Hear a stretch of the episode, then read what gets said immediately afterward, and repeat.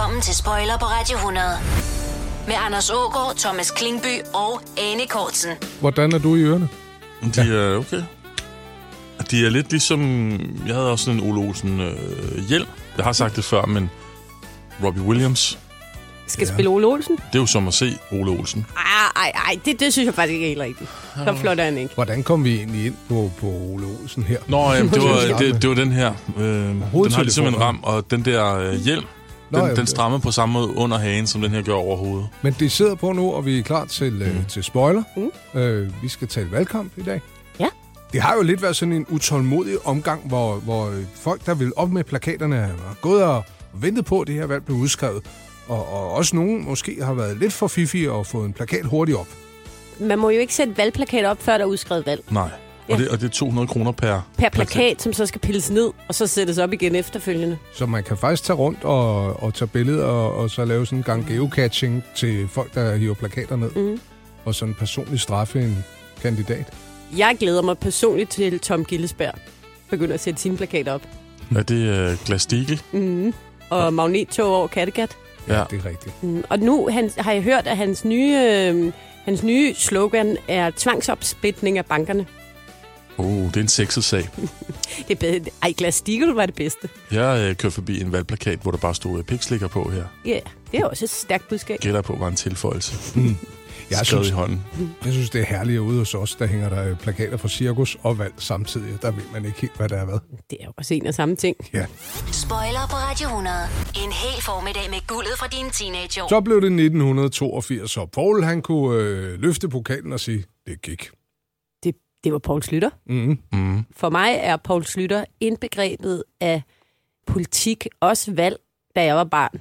Ej, hvor var han der i mange år. Og Ja, han det var de, de ordentlig. formative år. Det var Ja. knap, knap 10 år. Mm. Og øh, spillet af Kurt Ravn mm. i de der ugerevyer. Ja, man blander dem lidt sammen med sådan en lidt spidset mund. Ja. Men han var, han var jo ordentlig. En konservativ, meget ordentlig mand at høre og se på, ikke mindst. Ikke? Han blev kaldt for parfumesælgeren. Er det rigtigt? Ja, Ja, det der kan var, også, der var også en lidt blakke sag omkring øh, øh, Rottereden. Rottereden. Hans, øh, det var Ekstrabladet, Ja. der havde øh, ham på forsiden, som de jo har med folk. Ja. Noget med hans hus. Var det en rotterede? Ifølge Ekstrabladet. Ja. Ja. Nå, men, Men, men, men bortset fra det, så, øh, ja, Men så, al- så havde han skrabet jo mange øh, mandater til de konservative. Mm.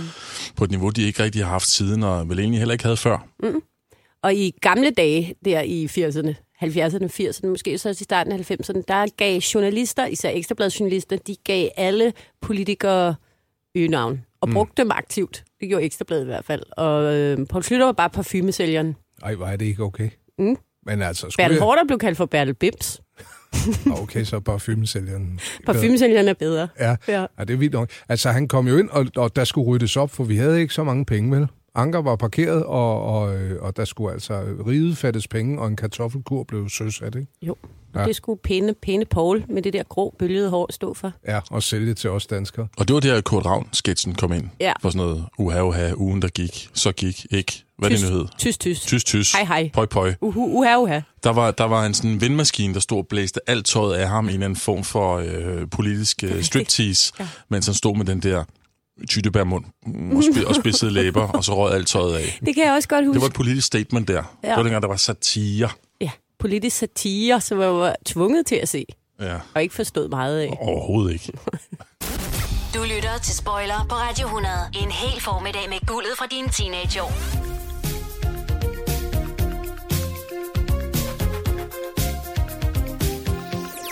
Vi mangler lige et slogan til Poul Slytter, du sidder inde med det, Thomas Klinkby. Slutter en bytter. Kan I huske de der kæmpe demonstrationer, der var inden foran Christiansborg?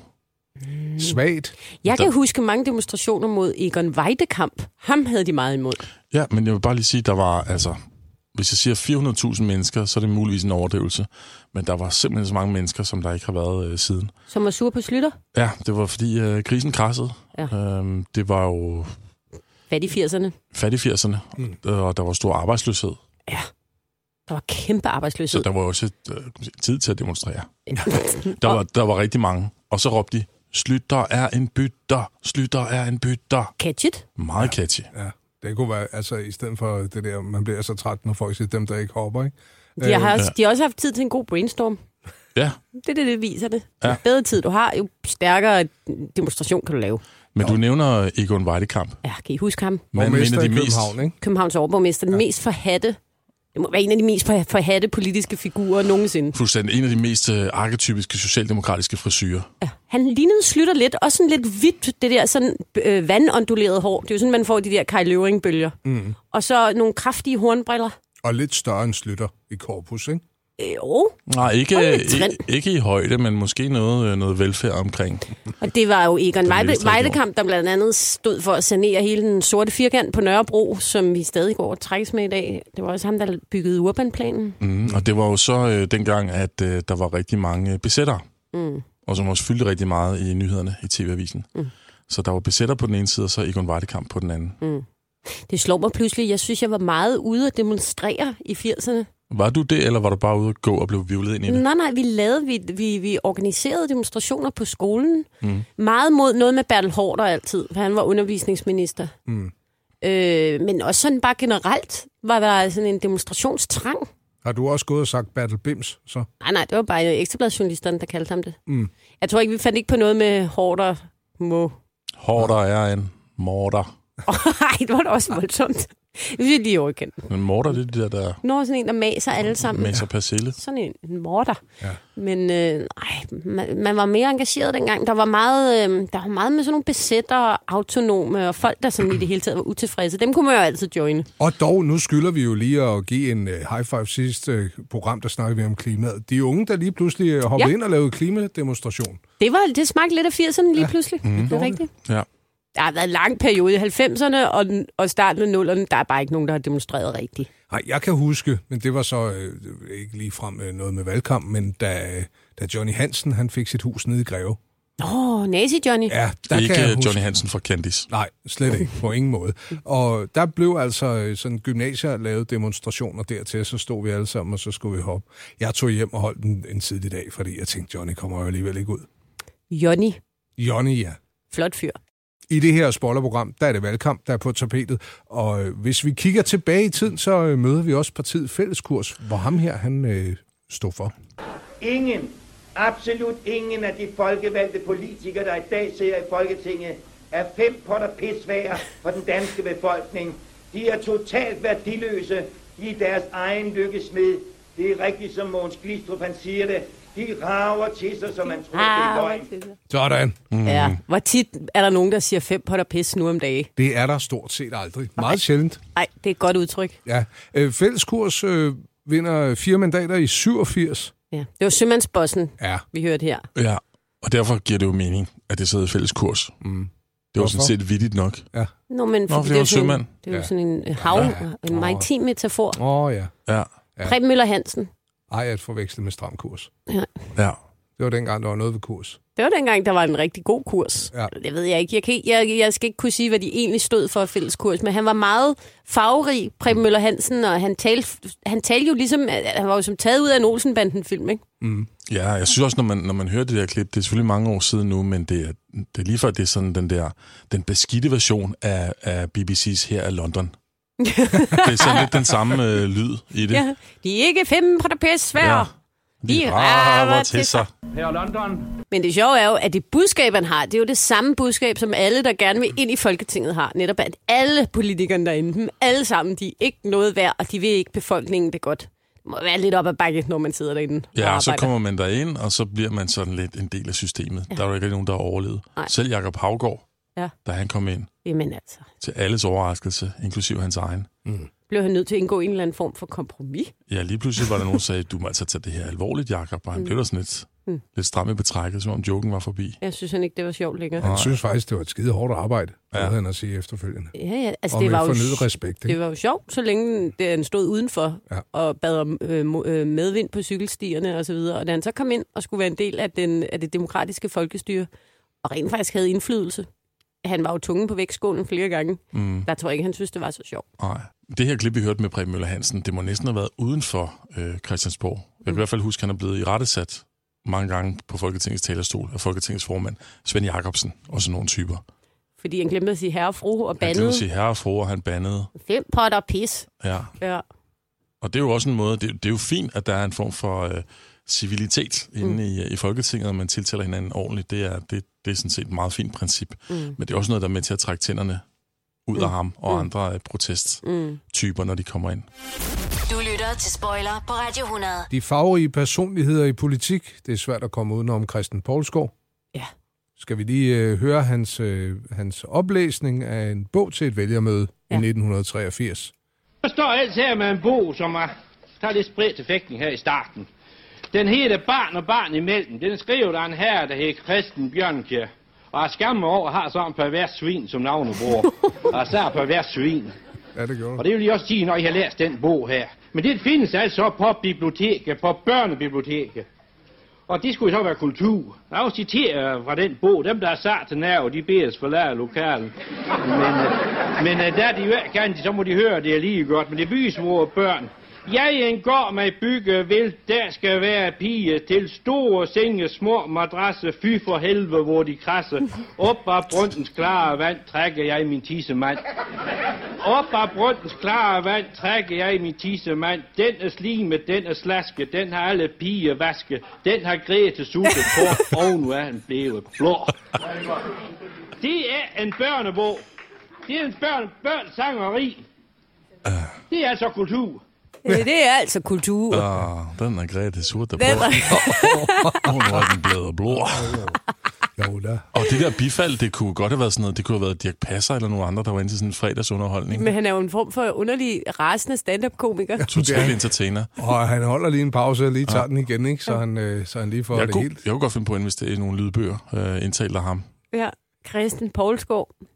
På en dårlig dag. Læser, læser højt af perverse ting. Jeg kan huske, at jeg var bange for ham som barn, fordi Ja, ja, jeg var så utilregnelig. Mm.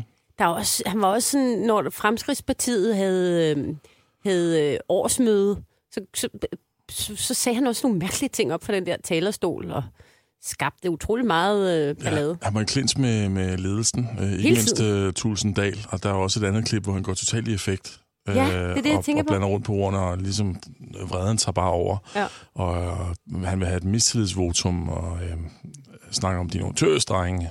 Ja. Tørstrengen, Christian Poulsgaard. Ja. Faktisk sømand, ligesom øh, Primølle Hansen, fodermester og sidenhen pølsemand. Siden trak han øh, pølser op af højens klare vand. Christian Tusinddal, og de har sagt, det er hovedstyrelsen, der bestemmer i den øverste myndighed. Nu tør jeg lægge jeg jeg havde. Det er for dårligt, tøsedreng. I Bauhaus får du nye tilbud hver uge. Så uanset om du skal renovere, reparere eller friske boligen op, har vi altid et godt tilbud. Og husk, vi matcher laveste pris hos konkurrerende byggemarkeder. Også discount byggemarkeder. Bauhaus. Altid meget mere at komme efter. Er du på udkig efter en ladeløsning til din elbil? Hos OK kan du lege en ladeboks fra kun 2.995 i oprettelse, inklusiv levering, montering og support. Og med OK's app kan du altid se prisen for din ladning og lade op, når strømmen er billigst. Bestil nu på OK.dk. Hej skat. Hey mor, jeg har lige fået en kontrakt i mit arbejde. Gider du læse den igennem for mig? Jeg synes, vi skal ringe til Det Faglige Hus. Så kan de hjælpe os. Det Faglige Hus er også for dine børn. Har du børn, der er over 13 år og i gang med en uddannelse, er deres medlemskab i fagforeningen gratis. Det Faglige Hus. Danmarks billigste fagforening med A-kasse for alle.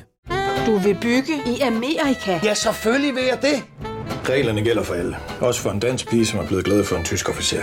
Udbrændt til kunstner. Det er jo sådan, at de har tørt, han ser på mig. Jeg har altid set frem til min sommer. Gense alle dem, jeg kender. Badehotellet den sidste sæson.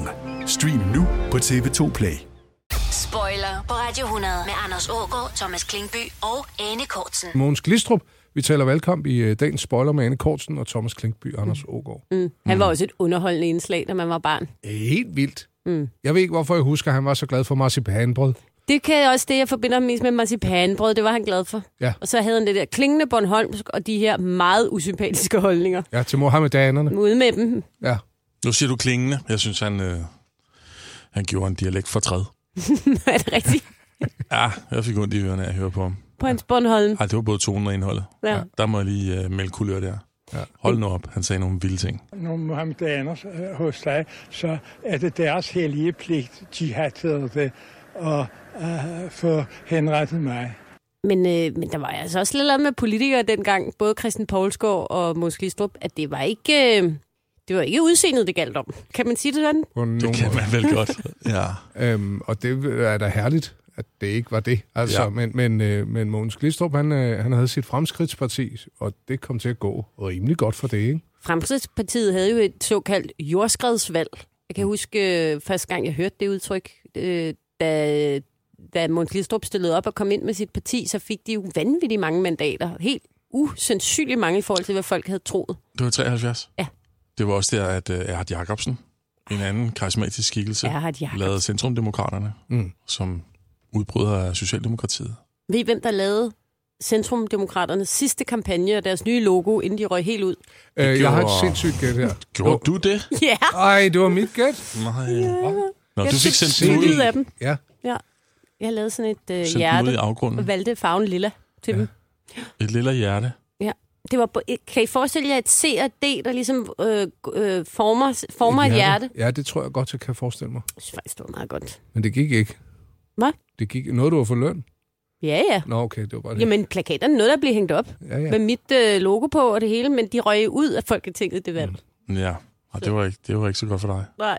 Det var i starten af nullerne, de røg ud, ikke? Jo. Sådan plus minus. Jo. Jeg kan ikke rigtig se, at det er relevant. Kan I huske øh, Retsforbundet? Åh oh, ja.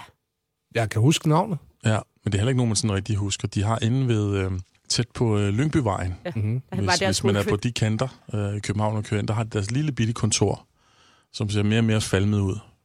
De repræsenterer for mig en form for brun, som eller de gamle DSB-uniformer. Men jeg tror faktisk, deres kontor blev lavet om til bodega, Thomas. Sidst jeg cyklede forbi. Nej, jeg var forbi i, øh, i forgårs. Nå, okay. Der står stadigvæk øh, Retsforbundet på. Nå, okay. Så mindre at bodegaen hedder Retsforbundet. Det vil jeg kalde en Gud, bodega. et stærkt navn til bodega. Jamen, jeg kan huske, når jeg kørte forbi der med mine forældre, så spurgte jeg altid, hvad retsforbundet var. Ja, Og så sagde min mor altid noget med, at det var et parti, og så noget med kildeskat og noget, noget med grundskyld. og grundskyld. Noget Ja. med noget med jord, og nogen, de ville meget gerne... Det var, det var alt retsforbundet arbejdede for, men det er altså et cool navn. Ja. Retsforbundet. Og kæmpe, kæmpe bidrag til øh, den danske øh, rimordbog. Ja. For hvad, hvad rimer ellers på undskyld? Det sad Retsforbundet lige for. Grundskyld. Noget med grundskyld. Ej, måske også mundskyld. Spoiler på Radio 100 med Anders Ågaard, Thomas Klingby og Anne Kortsen.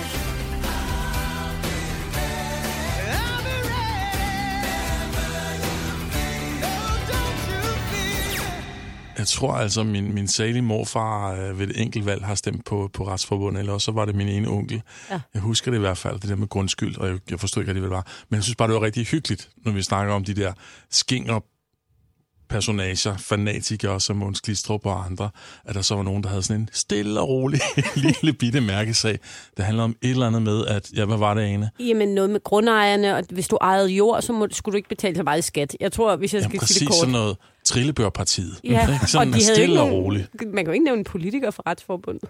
Nej, men de, de lyder, de, havde de har været ordentlige, alle dem, der har været der, ikke? Meget ordentligt parti. Ja. Meget Nej. brunt. Ja, det, ej, jeg kan, heller ikke, jeg kan heller ikke nævne navn på hende. Jeg synes, der var en, der hed Ib. Altså, de får kristendemokraterne til at fremstå som det, det vildeste shit. Mega sprudlende.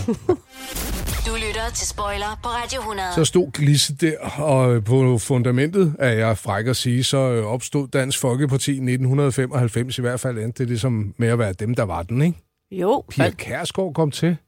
hun var sådan en udbryder. Mm. Det var et faderopgør med Måns Glistrup. Så ja. kom den der lille, lille hjemmehjælper. Ja. Og så tænkte man, det bliver aldrig til noget. Men det gjorde det. Det gjorde det. Altså, de kom i Folketinget med 13 mandater i 1997. Ja. Det er alligevel noget. Jeg tror, der var mange, der undervurderede Pia Kærsgaard fuldstændig. Mm. Det var da helt sikkert. Jeg kan bare huske, hun sådan... Og det var også, fordi man, hun var kvinde, så blev hun hurtigt sådan... øh, Der blev hurtigt gjort grin med, at hun ligesom var sådan en lille skinger, øh, øh, sådan husmoragtig type, som man ikke kunne tage alvorligt. Mm. Mm. Og så lige pludselig, så kunne man så godt tage hende alvorligt. Skinger, det er et ord, der bliver tildelt af kvinder, typisk. Ja, kvindelige politikere. Ja, Mm. kvinder i debatten. Ja. Kvinder, altså der er jo bare sådan grundlæggende, at det er sværere for kvinder at ytre sig, fordi at man, øh, at der er stadig mange mænd, der mener, at det bør man ikke. Og derfor så bliver det tit brugt øh, sådan nogle ord som skinger. Hysterisk. Det er Ja. ja. lidt tavligt, synes jeg. Ja, det er tavligt. Mm. Så skal man bare tale med meget dyb stemme. Så Yes. tror folk bare, man er en mand. Ja, det er selvfølgelig også lidt et problem. Men Britta Schall Holberg, som jeg jo godt kan lide at vende tilbage til. Ja. Kan I huske hende? Mm-hmm. Ja, ja. Hun havde en meget dyb stemme.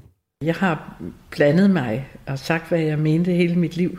Det kan man godt give en ret i. Ja. Britta Schall Holberg. Britta Schall Holberg. Der er noget stærkt over. Du har noget med de der tredelte navne, ikke? Jamen, jeg kan godt lide de der øh, venstre furier, som de også blev kaldt. Altså Britta Schall Holberg og Birte Røn Hornbæk. Sådan nogle med sådan noget stålhår. Sådan nogle kvinder, du bare ikke kan komme forbi. Mm. Og du springer ikke over i buffeten, hvis de står foran. Nej, det gør du ikke. Så får du et ordentligt rap over nallerne, gør du. Mm. Kan du pakke dig? Ja, så man er sådan lidt bange for. Dem synes jeg heller ikke, der er så mange af flere. Du lytter til Spoiler på Radio 100. En hel formiddag med guldet fra dine teenageår.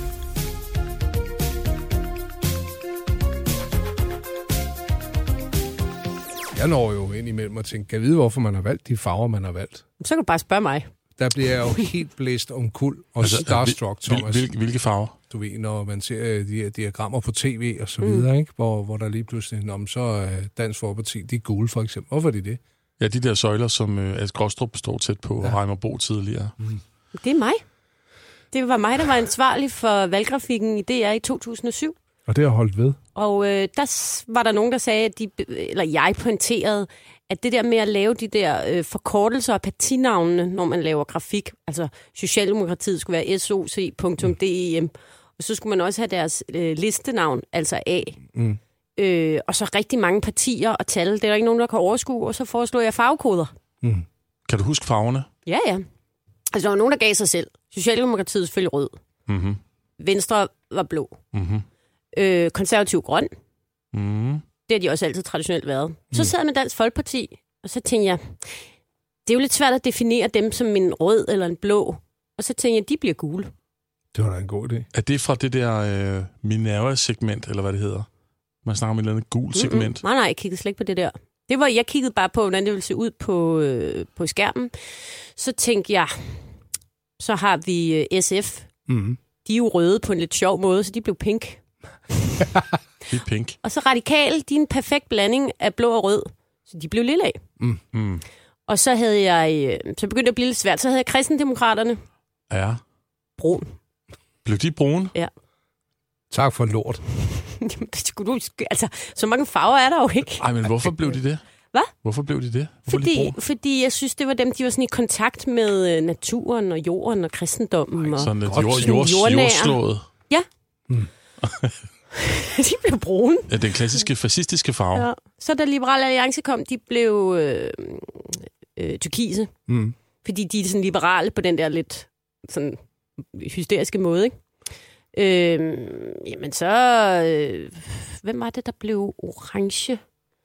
Det må have... Nå, det var enhedslisten. Ja. Ja. Det blev orange, ja. Er der nogen, der har brokket sig over deres farve efterfølgende? Ved Lige da vi startede, så blev valg- valget udskrevet i 2007, og så var der den første partilederrunde, det ved jeg ikke, om I kan huske, men det var Reimer Bo, der var vært der. Der stod de så ved et lille podie, hver partileder, som havde den farve, for mm. de ville gerne introducere den så hurtigt som muligt.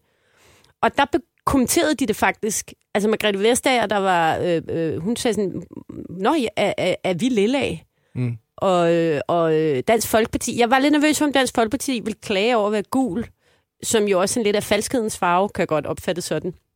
Jeg tror også, Pia Kærsgaard, så vidt jeg husker, kommenterede det og spurgte ind til det. Nettos farve. Nettos farve. Jeg ved, hvordan du har det med Netto. Men også solens farve. Ja, ja, det er jo det. Men, øh, men, men så gled det ligesom ind, og så er der nogle af partierne, der decideret har taget farven til sig, ligesom de radikale har, har gjort sig selv lille af. Mm. Dansk Folkeparti er jo, har jo ikke taget gul, men man taler jo for eksempel om det gule Danmark. Mm. Altså det er dem, der stemmer på DF, det er mig. Det er min skyld, der hedder det. Så er du faglagt. Og jeg havde ingen andre tanker, end at jeg blev nødt til at fordele det der farvespektre, så det gav mening i forhold til, især i forhold til deres holdninger. Altså hvis du var meget liberal, så er du over de blå. Hvis du er meget sådan social, socialistisk, så er du over de røde. Og hvis du er i midten, så er du de her blandingsfarver. Ja. Ved du, hvem du er? Mm. Du er Joe i Reservoir Dogs. Hvem af dem er det? Jamen, det er ham bossen. Han giver dem farve. Og Mr. White. Du er Mr. White. Du er Mr. Blonde. Du er Mr. Blue. Du er Mr. Brown. Du er Mr. Pink. Hvorfor skal jeg være Mr. Pink? Det siger skal Steve du bare. Buscemi. Mm. Det skal du bare. men det er mig. Ja. Here are your names. Kommer det. Mr. Brown, Mr. White, Mr. Blonde, Mr. Blue, Mr. Orange, Mr. Pink. Why am I Mr. Pink? Because you're a faggot, all right? Why can't we pick our own colors? No way, no way. Tried it once, it doesn't work. Mr. You get Blonde. four guys all fighting over who's going to be Mr. Black. No way. I pick. You're Mr. Pink. Be thankful you're not Mr. Yellow.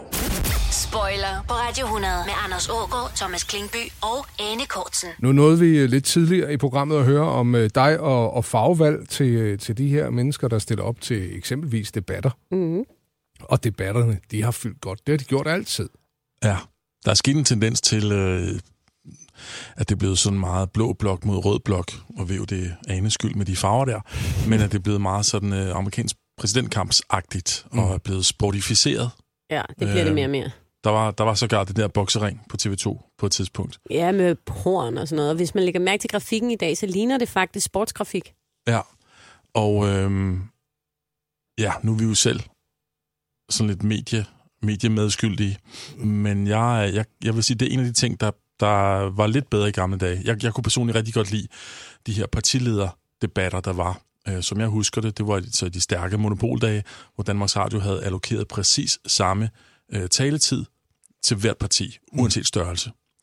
Øh, Krydsild hed det på et tidspunkt. Mm. Og så sad de mest hardcore journalister, virkelig dygtige journalister, som Ben Stuckert, øh, Måns Bæren og andre, og, øh, og bare hejlede de der partier igennem. Og de gik bare efter stroben, uanset hvem der sad der. Mm. Det handlede simpelthen om at finde svagheder. Øh, hvordan vi betale for de her ting? Hvad mm. mener jeg overhovedet med det? Mm. Alle de der partier var der. Der var et sådan marxistisk-leninistisk arbejderparti, eller et eller andet. Jeg tror, det var dem. Jeg husker i hvert fald bare, der sad nogen, og de havde så i deres partipjæseprogram skrevet noget om bøndernes kamp mod godsejerne.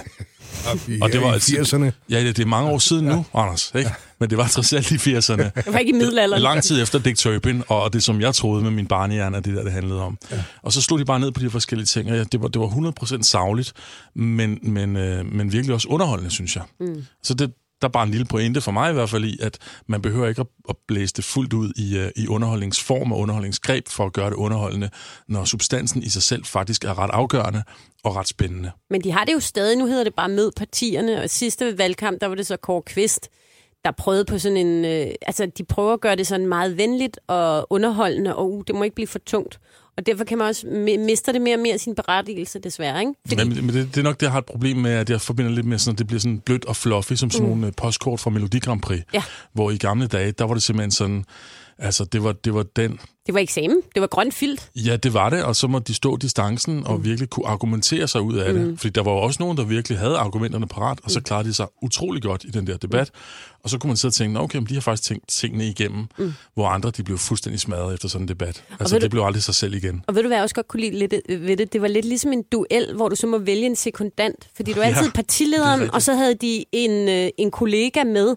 Og det var, alt, det var ikke nødvendigvis næstformanden, Nej. eller det var nogle gange en, som, hvor man tænkte, ej, ham har han taget med, fordi at, øh, at han kan noget der. Ikke? Så sad der sådan en eller anden, måske sådan en ung, øh, lidt ivrig en ved siden af partilederen, klar til at, og sådan, at, at bakke op. Ja, fuldstændig rigtigt.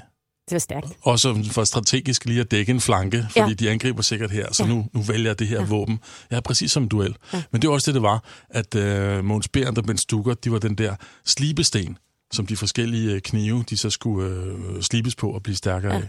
Og så var de bare så velforberedte, som du siger. De havde læst altså alt igennem, ikke? Tjekket ja. alt. Det kunne de godt prøve igen. Når du skal fra Sjælland til Jylland, eller omvendt, så er det Molslinjen, du skal med. Kom, kom, kom, bado, kom, bado, kom, bado. Få et velfortjent bil og spar 200 kilometer. Kør ombord på Molslinjen fra kun 249 kroner. Kom, bare du. Bauhaus får du nye tilbud hver uge. Så uanset om du skal renovere, reparere eller friske boligen op, har vi altid et godt tilbud. Og husk, vi matcher laveste pris hos konkurrerende byggemarkeder. Også discount byggemarkeder. Bauhaus. Altid meget mere at komme efter. Har du for meget at se til? Eller sagt ja til for meget? Føler du, at du er for blød? Eller er tonen for hård? Skal du sige fra? Eller sige op? Det er okay at være i tvivl. Start et godt arbejdsliv med en fagforening, der sørger for gode arbejdsvilkår, trivsel og faglig udvikling. Find den rigtige fagforening på dinfagforening.dk Det Faglige Hus har et super godt tilbud til alle lønmodtagere. Lige nu får du gratis fagforening i 6 måneder, når du også melder dig ind i A-kassen. Du sparer over 500 kroner. Meld dig ind på detfagligehus.dk. Danmarks billigste fagforening med A-kasse for alle. Du lytter til Spoiler på Radio 100. En hel formiddag med guldet fra dine teenageår.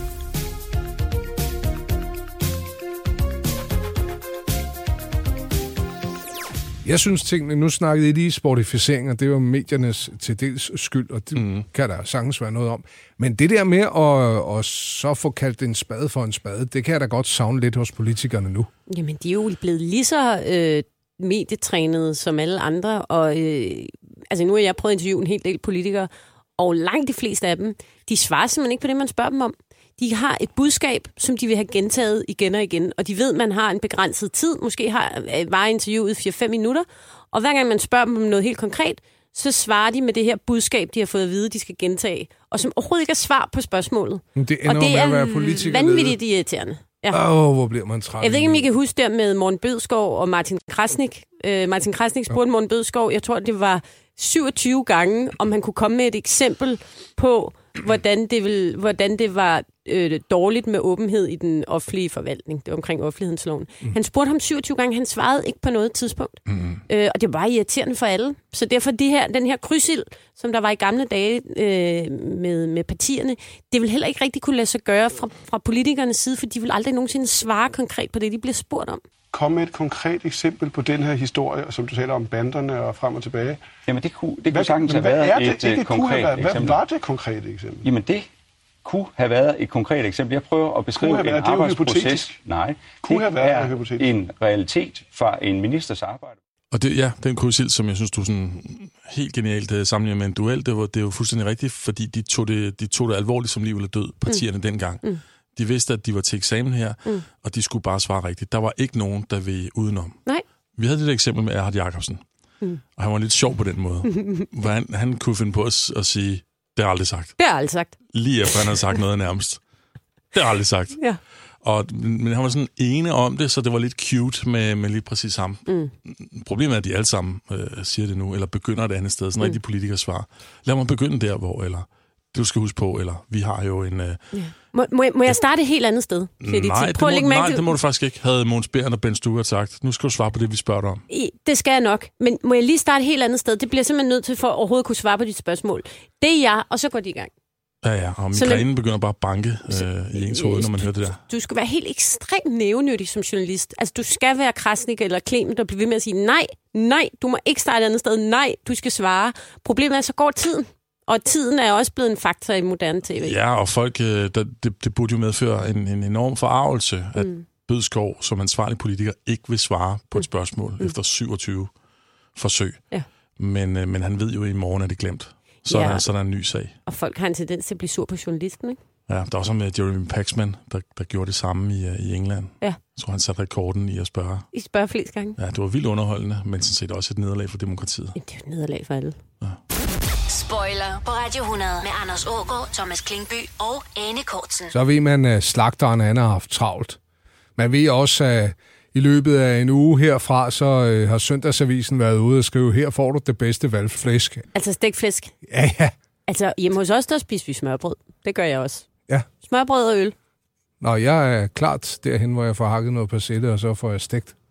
Nok. Også, ja, smørbrød og øl hjemme, øh, hjemme hos os, når der var, når der var valgaften. Så en sildmad?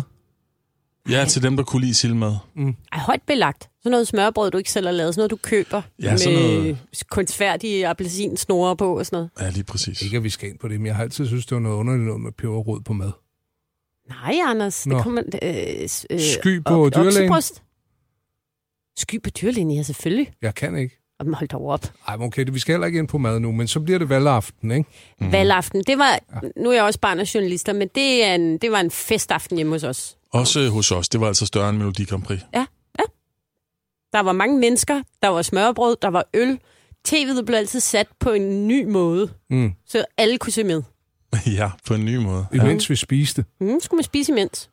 Og øh, det var en, en langtrukken omgang. Tingene blev talt så stille og roligt op. Ikke? Ja, Der var jo ikke exit polls Mm. gamle dage, så man vidste jo ikke noget, før de begyndte at tække ind fra de der meget eksotiske, øh, hvad hedder det, distrikter. Mm. Ja. Når den valgtilforordnede lige telefonerede ind. Den valgtilforordnede. Og så var det altid de der meget små, så var det en lille ø. Enø. Kan Ja. det være, det er den? Der er en ø, der altid er først. Ja. Mm. Og Hans Bischof var vel ham, der sad og var regnemester. Birgit Meister. Hun var, hun var ankeret. Mm, kan, I, kan du huske Birgit Meister? Ja, det kan jeg godt. Jeg synes, hun havde en fantastisk stemme. Mm, dejlig dame. Mm. Så var der jo det år, hvor DR havde besluttet sig for at kaste sig ud i sådan noget digital grafik. Det ved jeg ikke, om I kan huske, men de havde fået sådan et, et, et 3D-studie, hvor søjlediagrammerne ligesom kunne vokse op af sig selv. Men de havde ikke rigtig styr på det, så Henning Olsen han fik hele tiden et søjlediagram i røven. Uheldigt. Ja. Ja, det kan også gøre ondt, selvom det er Ja, digitalt. og så stod han oven på et lavkagediagram, og så kunne han ikke... Altså, det gik helt galt. Det, Sikke en dag på arbejdet. det var dårligt. Men er det ikke også, det ved du, Ane, er det ikke også der øhm, på, på valgaftener, at tv-stationer eksperimenterer med den slags? Åh jo, Fordi men- de også øh, CNN og Wolf Blitzer, kan jeg huske, var også den, der havde det her Star Wars-agtige øh, hologram, Ja. som noget af det første. Ja, ja, ja, det ville vi gerne have. Så det, det er der, man tester teknologien af. Jamen, det er jo på valgaften, at man hiver det tunge, nypudsede gadgets frem. Altså, det svarer vel til, når motorcyklisterne tager til bakken. Bare vent og se. Det bliver så sindssygt i år. TV2 gik i luften i 1988. Ja, og, øh, og for dag, der var der så konkurrence om transmissionen af valgaftener. Ja. Der var to steder i sendeplanen, at man kunne øh, virkelig se forskel på TV2 og øh, DR. Og det ene var vejrudsigterne, altid lige lidt varmere på TV2, mm. og, øh, og så var det på valgaften, fordi, øh, hvor prognosen øh, hældte lidt, lidt borgerligt på TV2 Mm. i forhold til DR. En sjov lille bias, der var der. Mm. Og så lærte de jo the hard way begge tv-stationer, at det gælder jo ikke nødvendigvis om at komme først, fordi øh, så kan det godt være, at man tager fejl. Ja. Mm. Øh, men der skete virkelig noget med DR's valgdækning, da TV2 kom, fordi øh, lige pludselig så havde TV2, det ved jeg ikke, om I kan huske, men de havde lavet et studie på Kvægtorvet med glas bag ved værterne, så man kunne se den der lange gang, der gik ned bag ved dem. Mm. Øh, indtil da, der havde DR siddet i et sådan lukket studie, øh, altså, hvor man virkelig havde fornemmelsen af, at de sad inde i et, øh, altså, helt væk fra begivenhederne. Det, at TV2 begynder at putte glas ind i deres valgstudier, det er jo sådan, nu er det jo helt ude i ekstremen. Nu har de sådan nogle glas, glasbokse, der er placeret på Christiansborg. Øh, og det var også TV2, der startede med at være ude i de forskellige partihovedkvarterer øh, og sende derfra og have en fast reporter ude. Så de, de tvang DR til at, at skærpe dækningen på en helt anden måde, end de havde gjort før. Det blev meget bedre, meget mere spændende. Mm. Mm. Og nu kan man så også være heldig at komme med ned på forskellige caféer, og man når at se der, hvor de går og venter, inden de kommer ind. Og, og tænk på, hvor meget linkudstyr, der skal til at lave sådan en valgaften der. Det er jo fuldstændig bimmelems. Mm. Det er at projektere med store projektorer deres øh, valggrafik op på de huse, hvor de forskellige partier har øh, hovedkvarter. For eksempel. Ja, der er nogle ret vilde ting. Det er bare, fordi jeg er en nørd. Men prøv at lægge mærke til det næste valgkamp. Prøv at lægge mærke til, hvor meget vild teknik der er. Jeg skal måske også forsvare medierne lidt. Øh, Nu er vi ude efter den før i forhold til sportificeringen, men det er jo en, øh, det er en begivenhed, som har rigtig mange gode tv-ingredienser. Er? Der er øh, det, det sportslige, altså i udfaldet. Det er mm. også derfor, at vi, vi stillede tv'et på en anden måde, Mhm. og fik, øh, fik smørbrød og, Mm. og øl derhjemme og fulgte med, som var det Melodi Grand Prix. Samtidig er der reality-elementer. Mm. Helt klart de der forventningssynker omkring det, apropos at være inde på de forskellige øh, partikontorer. Der er vinder og taber, ikke? Ja, forhold jer til det nu, og hvad tror jeg, det kommer til at ske? Hvad betyder den her mandat? Hvad betyder den her udtalelse fra Mm. den anden? Mm. Og så selvfølgelig ind, når det begynder at gå den anden vej, og der er nogen, der begynder at tabe. Jeg har faktisk engang været i et øh, udviklingsforløb øh, i DR, hvor vi skulle tænke nye idéer til valgaften, hvor vi faktisk foreslog, der skulle være sådan nogle journalister, der kørte rundt på sådan nogle segways, som så skulle øh, ligesom øh, hedde stuklinger. Efter Stuckert? Ja, Stuckert var hovedverden. Ja. Og så var der små stuklinger, Der som kørte kørte rundt. rundt. på segways øh, og var alle steder. Det lyder som en dystopisk øh, der fyre utopi, ja. hvor Ben Stuckert har overtaget verdensherredømme. Så er der stuklinger Og over så det. stuklinger, der er uniformeret render rundt og holder Der var, heller, over. der var heller ikke andre end os selv, der synes det var genialt. Men det var bare tanken om segways og journalister. Jeg synes, det er en fed kobling og et godt navn. Ja, ordet stukling. Ja. Mm. Ved du hvad, Ben Stucker må der have været helt... Han synes ikke, det var så sjovt, nej. Nå, det var det så. Det var usagligt. Der har han måske en pointe. Og så når TV2 ligesom dækkede det, så skulle der komme en stukling kørende om bagved. Halløj. På sin segway. Ja, stukling! Hvorfor det her? De skulle have sådan, altså, skulle de have sådan helt særligt udstyr på, stuklingerne, og kunne sådan rapportere hurtigt. Spoiler på Radio 100 med Anders Ågaard, Thomas Klingby og Anne Kortsen. Han var glad, da det skete, Paul, i 1998. Poul Nyrup. Fire flotte fingre lige i vejret. Den tager jeg. For more yes. Ja, det blev til tre. Nå. Så kom Anders og sagde, den tager jeg. Ja. Det var så tydeligt, der var nogen, der havde sagt til Poul Nyrup, du skal sådan, ligesom i amerikansk valgkamp, Paul, ja. så skal du bare sådan, for more years, du skal bare sådan sætte fire fingre i vejret. Ja, det vil de forstå. Ja. De glemte lige Poul Nyrup ikke være verdens mest funky mand.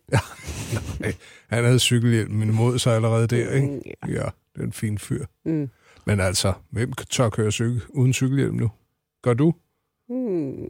Gør du sgu? Nej, hvor er du en dårlig rollemodel. Nej, nej, jeg bruger cykelhjelm hver gang, Anders Hågaard. Hver gang. Nå, det var Jeg har både sådan en høvdingkrav og cykelhjelm på. Samtidig? ja. Nå, hvor er du fin.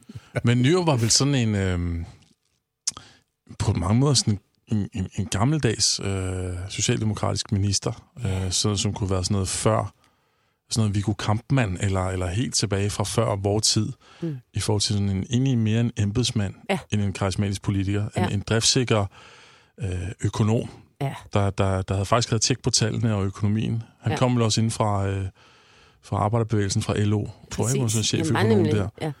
og så blev hyret frem. Men, men det har aldrig klædt ham, når en spindoktor har sagt til ham, riv lige den der øh, Anders Fogh bog i stykker. Ja, det bliver Eller vis lige fire pølsefingre i vejret og sige formor yes. Mm. Mm. Eller tag lige en øh, cykelhjelm på og prøve at være lidt folkelig. Okay. Og det var, det var hans natur imod. Mm. Og det, i dag vil man nok have arbejdet mere med hans natur. Ikke? Paul Nyrup var jo også lige på det tidspunkt, hvor der begyndte at komme spindoktorer, og øh, det var nogle andre ting, det galt om. Udover at kunne nævne nogle tal og noget politik, så skulle du også have en gennemslagskraft på en helt anden måde. Og der røg Paul Nyrup ind i en uheldig øh, første bølge der. Jeg tror, i dag vil man have indset, hvad der var hans styrker, fordi han var enormt troværdig. Det kan du jo ikke tage fra Paul Nyrup. Mm. Jeg kender ikke manden, men altså mit indtryk er, at han egentlig er rimelig øh, omgængelig mm. og, øh, og folkelig. Mm. Men, men, men, men ligesom stivner i, øh, i kameraernes spotlight. Jo, så var han jo en brutal politiker, der lige fik øh, hvert Svend Auken øh, med lidt af et, øh, lidt af et fejt trick, ikke? Kongemordet. Kongemord. Det, og det gjorde indtryk. Altså, det synes jeg, det var en af de ting, der gjorde større indtryk, end når magten lige skiftede side Mm. til den anden fløj i Folketinget på kryds og tværs. Det er, når de, de, de gav hinanden kniv i ryggen indbyrdes. Ja, og det var, det var en af de helt store sager, det der. Mm. Var det nu, Svend Auken, han havde egentlig han havde vundet et, et, et valg Mm. i forhold til fremgang for hans parti, Socialdemokratiet. Jo, så kuppede Poul Nyrup ham på der Socialdemokraternes årsmøde. Ja, fordi Svend Auken fik jo ikke statsministermagten. Nej. Men de andre ville jo ikke give ham den et eller andet sted. Han manglede nogle mandater. Ja. Han var blevet en fantastisk statsminister, tror jeg. Tror du det? Ja. Hvorfor? Fordi at, altså, Svend Augen havde da star quality. Det synes jeg faktisk, han havde. Problemet er, i, at han blev taget i at smålyve nogle gange. Ja, Også på tv. Han løj om, øh, Altså, han havde om talt med. Norges øh, statsminister, ikke? og det havde han ikke. Og sådan noget. Altså, han, uh, han var ikke helt god. Ja, øh, jeg talte med min ven Torvald Stoltenberg, så udenrigsminister Ja. i Norge. Svend, sagde han. Svend, kan du ikke øh, lukke kæften på ham der Uffe? Han sad sådan Så han en direkte debat med Uffe Ellemann. Og så viste det sig, om det havde øh, Stoltenberg aldrig sagt, eller måske mere præcist, det havde han sagt, men det skulle man fandme da ikke citere offentligt. Det er jo også en... en øh, af, det, det er en af forklaringerne. Ja. Kunne det godt have været. Jeg snakkede med den norske udenrigsminister så sent som i går aftes og refererede for, hvad der blev sagt af øh, udenrigsministeren her. Og nu skal jeg sige, hvad han sagde. Kan du ikke, Svend, lykke kæften på ham, Yffe? Og det sagde jeg til ham. Det er håbløst. Det klarer jeg aldrig. Du lytter til Spoiler på Radio 100. Jeg synes jo, det er herligt, der er de her vælgermøder, hvor folket kan komme til ord, Mm-hmm. hvor de øh, dukker op. Jeg så øh, blandt andet, der var et opslag for, at politikerne skulle synge, og så var det kandidaterne, der skulle vælge sange. Sådan, øh, du ved, sådan, øh, for, forestil dig sådan en battle med, med sange. Mm. Sikkert fra højskole sangbogen, ikke? Nu om dagen, der har man jo i den grad mulighed for at komme i kontakt med politikerne direkte gennem øh, de sociale medier, ikke? Jo, jo. Det er bare direkte ind på siden. Thomas, du, øh, du har to god gammeldags øh, teknik i brug før i tiden. Ikke? Jeg skrev et læserbrev, Mm. Det da, var det, jeg man var, gjorde. da jeg var 13 år. Hold da op. Plus minus et år. Cirka 13 år. Der var du glad for at skrive breve i den periode. Ja, men jeg skrev et læserbrev, som øh, blev optaget i politikken. Mm. Øhm, Stort. Læserne mener, eller sådan noget, øh, prompte. Mm. Øh, jeg var så fyldt af retfærdig harme, at jeg havde simpelthen en mening om øh, den her dronningerunde. øh, Havde du det som 13-årig? ja, så, så, så hovedmotivet med mit, øh, med mit indlæg, det var, at øh, jeg mente, at Svend Jacobsen, Mm. senere Folketingets formand, tilhørende det der, den derværende højrefløj på Socialdemokratiet, og i mine øjne en meget redelig mand, at øh, jeg anbefalede kraftigt, på det kraftigste, at man udpegede ham som forhandlingsleder i den kommende dronningerunde. Det skrev du simpelthen ikke et læsebrev om som Jo. 13-årig. Jo, jeg gjorde. Ej, din kæmpe nørd, altså. Uh, Anbefalede du det på det kraftigste? ja. Men der var jo ikke nogen, der lyttede. Det, det blev da trygt i politikken. Det kan være, at Svend Jakobsen har læst og tænkt om, så har jeg da i hvert fald ham bitte Thomas Klingby støtte. Ja, altså som, øh, som øh, politikris i Frank Mams skikkelse til Sule Royal øh, udtaler det. Øh, det blev ikke dig, de store røvhul. Men til gengæld så fik du en flot konfirmationsgave fra ham for senere, ikke? Ja, jeg blev nonfirmeret, som I ved. Men øh, de to ting hænger måske også meget godt sammen. Mm. Jamen, jeg står, det, det står jeg ved. Den mening står jeg ved den dag i dag. Det skulle man have gjort. Det var forkert. Mm. Det var forkert, det der skete. Jamen, hvem blev så kongelig udpeger? Eller Det hvad blev, det, det, blev, det blev ikke ham jo. Det blev Ja, ikke det- det blev- Svend Jakobsen, selvom du på det kraftigste havde anbefalet det. Ja, det er sådan set bare lige at lukke op for øh, politikens første sektion, side 3. Så der på venstre side, der stod svaret. Mm. Men øh, lyttede man efter det? Nej. Gud gjorde mig nej. Jeg gentager, hvad jeg har sagt før. Du har været et mærkeligt barn. Fra børn og specielt Thomas Klingby skal man høre sandheden. Mm. Du lytter til Spoiler på Radio 100. En hel formiddag med guldet fra dine teenageår.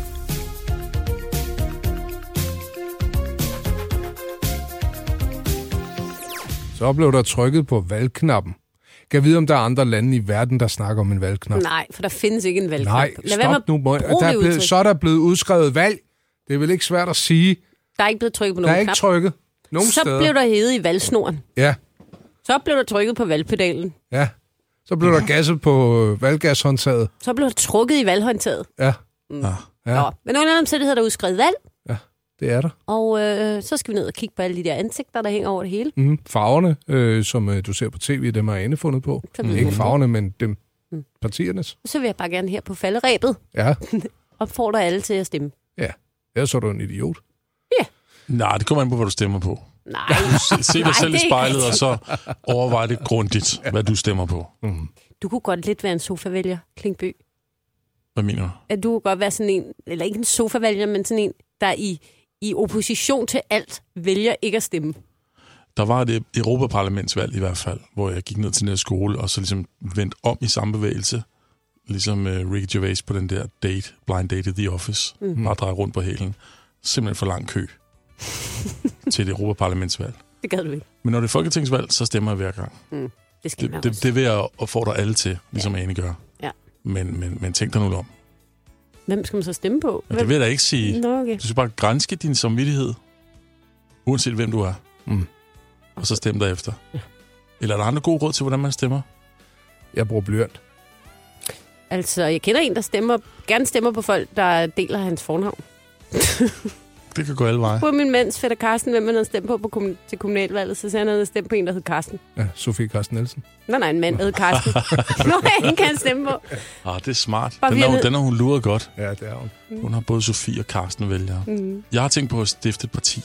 Mm. Det kommer så simpelthen ikke bag på mig. Lotto-partiet. Gå efter fire mandater, og så øh, alle dem, der stemmer, og det kommer til at blive mange, det bliver til mindst 40.000, Mm. Der, øh, der kører man en masse lotto og øh, generelt går til valg på, at, at alle ydelser er noget, man ligesom kan rafle om, eller på en anden måde spille om, få sådan et ludomani tilbage i dansk Mm. mm. politik, hvor det hører til. Mm. Og de fire mandater, de, går, de bliver så udtrukket i en kæmpestor lotto tombolagtig anordning, så alle dem, der har stemt, de kan komme ind og få et mandat. Det var en virkelig god idé. Mm-hmm. Altså et parti, der tiltrækker ludomaner. Ja, demokratiske, demokratisk indstillede ludomaner. Mm. Tilfældighedspartiet, kunne man også kalde det. Jeg synes, Lotto-partiet lyder bedre. Ja. Hvad mindre der er copyright på. Lad os sige, du er en ung førstegangsvælger, du er SU-berettiget. Mm. Når jeg kommer til magten, øh, så kan du gå derned, og så kan du sige ned på Danas vej, eller hvor SU-styrelsen nu bor, øh, kvitt eller dobbelt. Hvad betyder det? Eller måske sten, saks, papir. Og hvis du taber, så får du ingen penge den måned. Hvis du vinder, får du dobbelt op. Så bliver det pludselig sjovt at gå ned på de der kontorer. Ja, ja, og helt, helt Super generelt. god idé, Thomas. Rigtig, rigtig god idé. Og hvis folk virkelig er på den, så kan de måske, kan vi ikke bare nøjes med at gøre det sådan ude- eller hjemmeboende SU, så de ikke taber lige så meget. Nå, men det er jo alle, det er jo alle dele af samfundet, alle mulige steder. Det er jo også i forhold til topskat. Nå, Den er en jo også god god at idé. lave med Google og Facebook og de der, ikke? Bilafgifter. ja, så Ja. betaler 0,01 procent nu. Lige pludselig så, så betaler de måske 70, fordi de har tabt i øh, sten, saks, papir. Kæft, mand. Alt kan ske. Det tror jeg, det er mit slogan. Mm. Alt kan ske. Dårlig slogan. Sæt dit kryds ved Klingby. Alt kan ske. tak for i dag. Spoiler på Radio 100. En hel formiddag med guldet fra dine teenageår.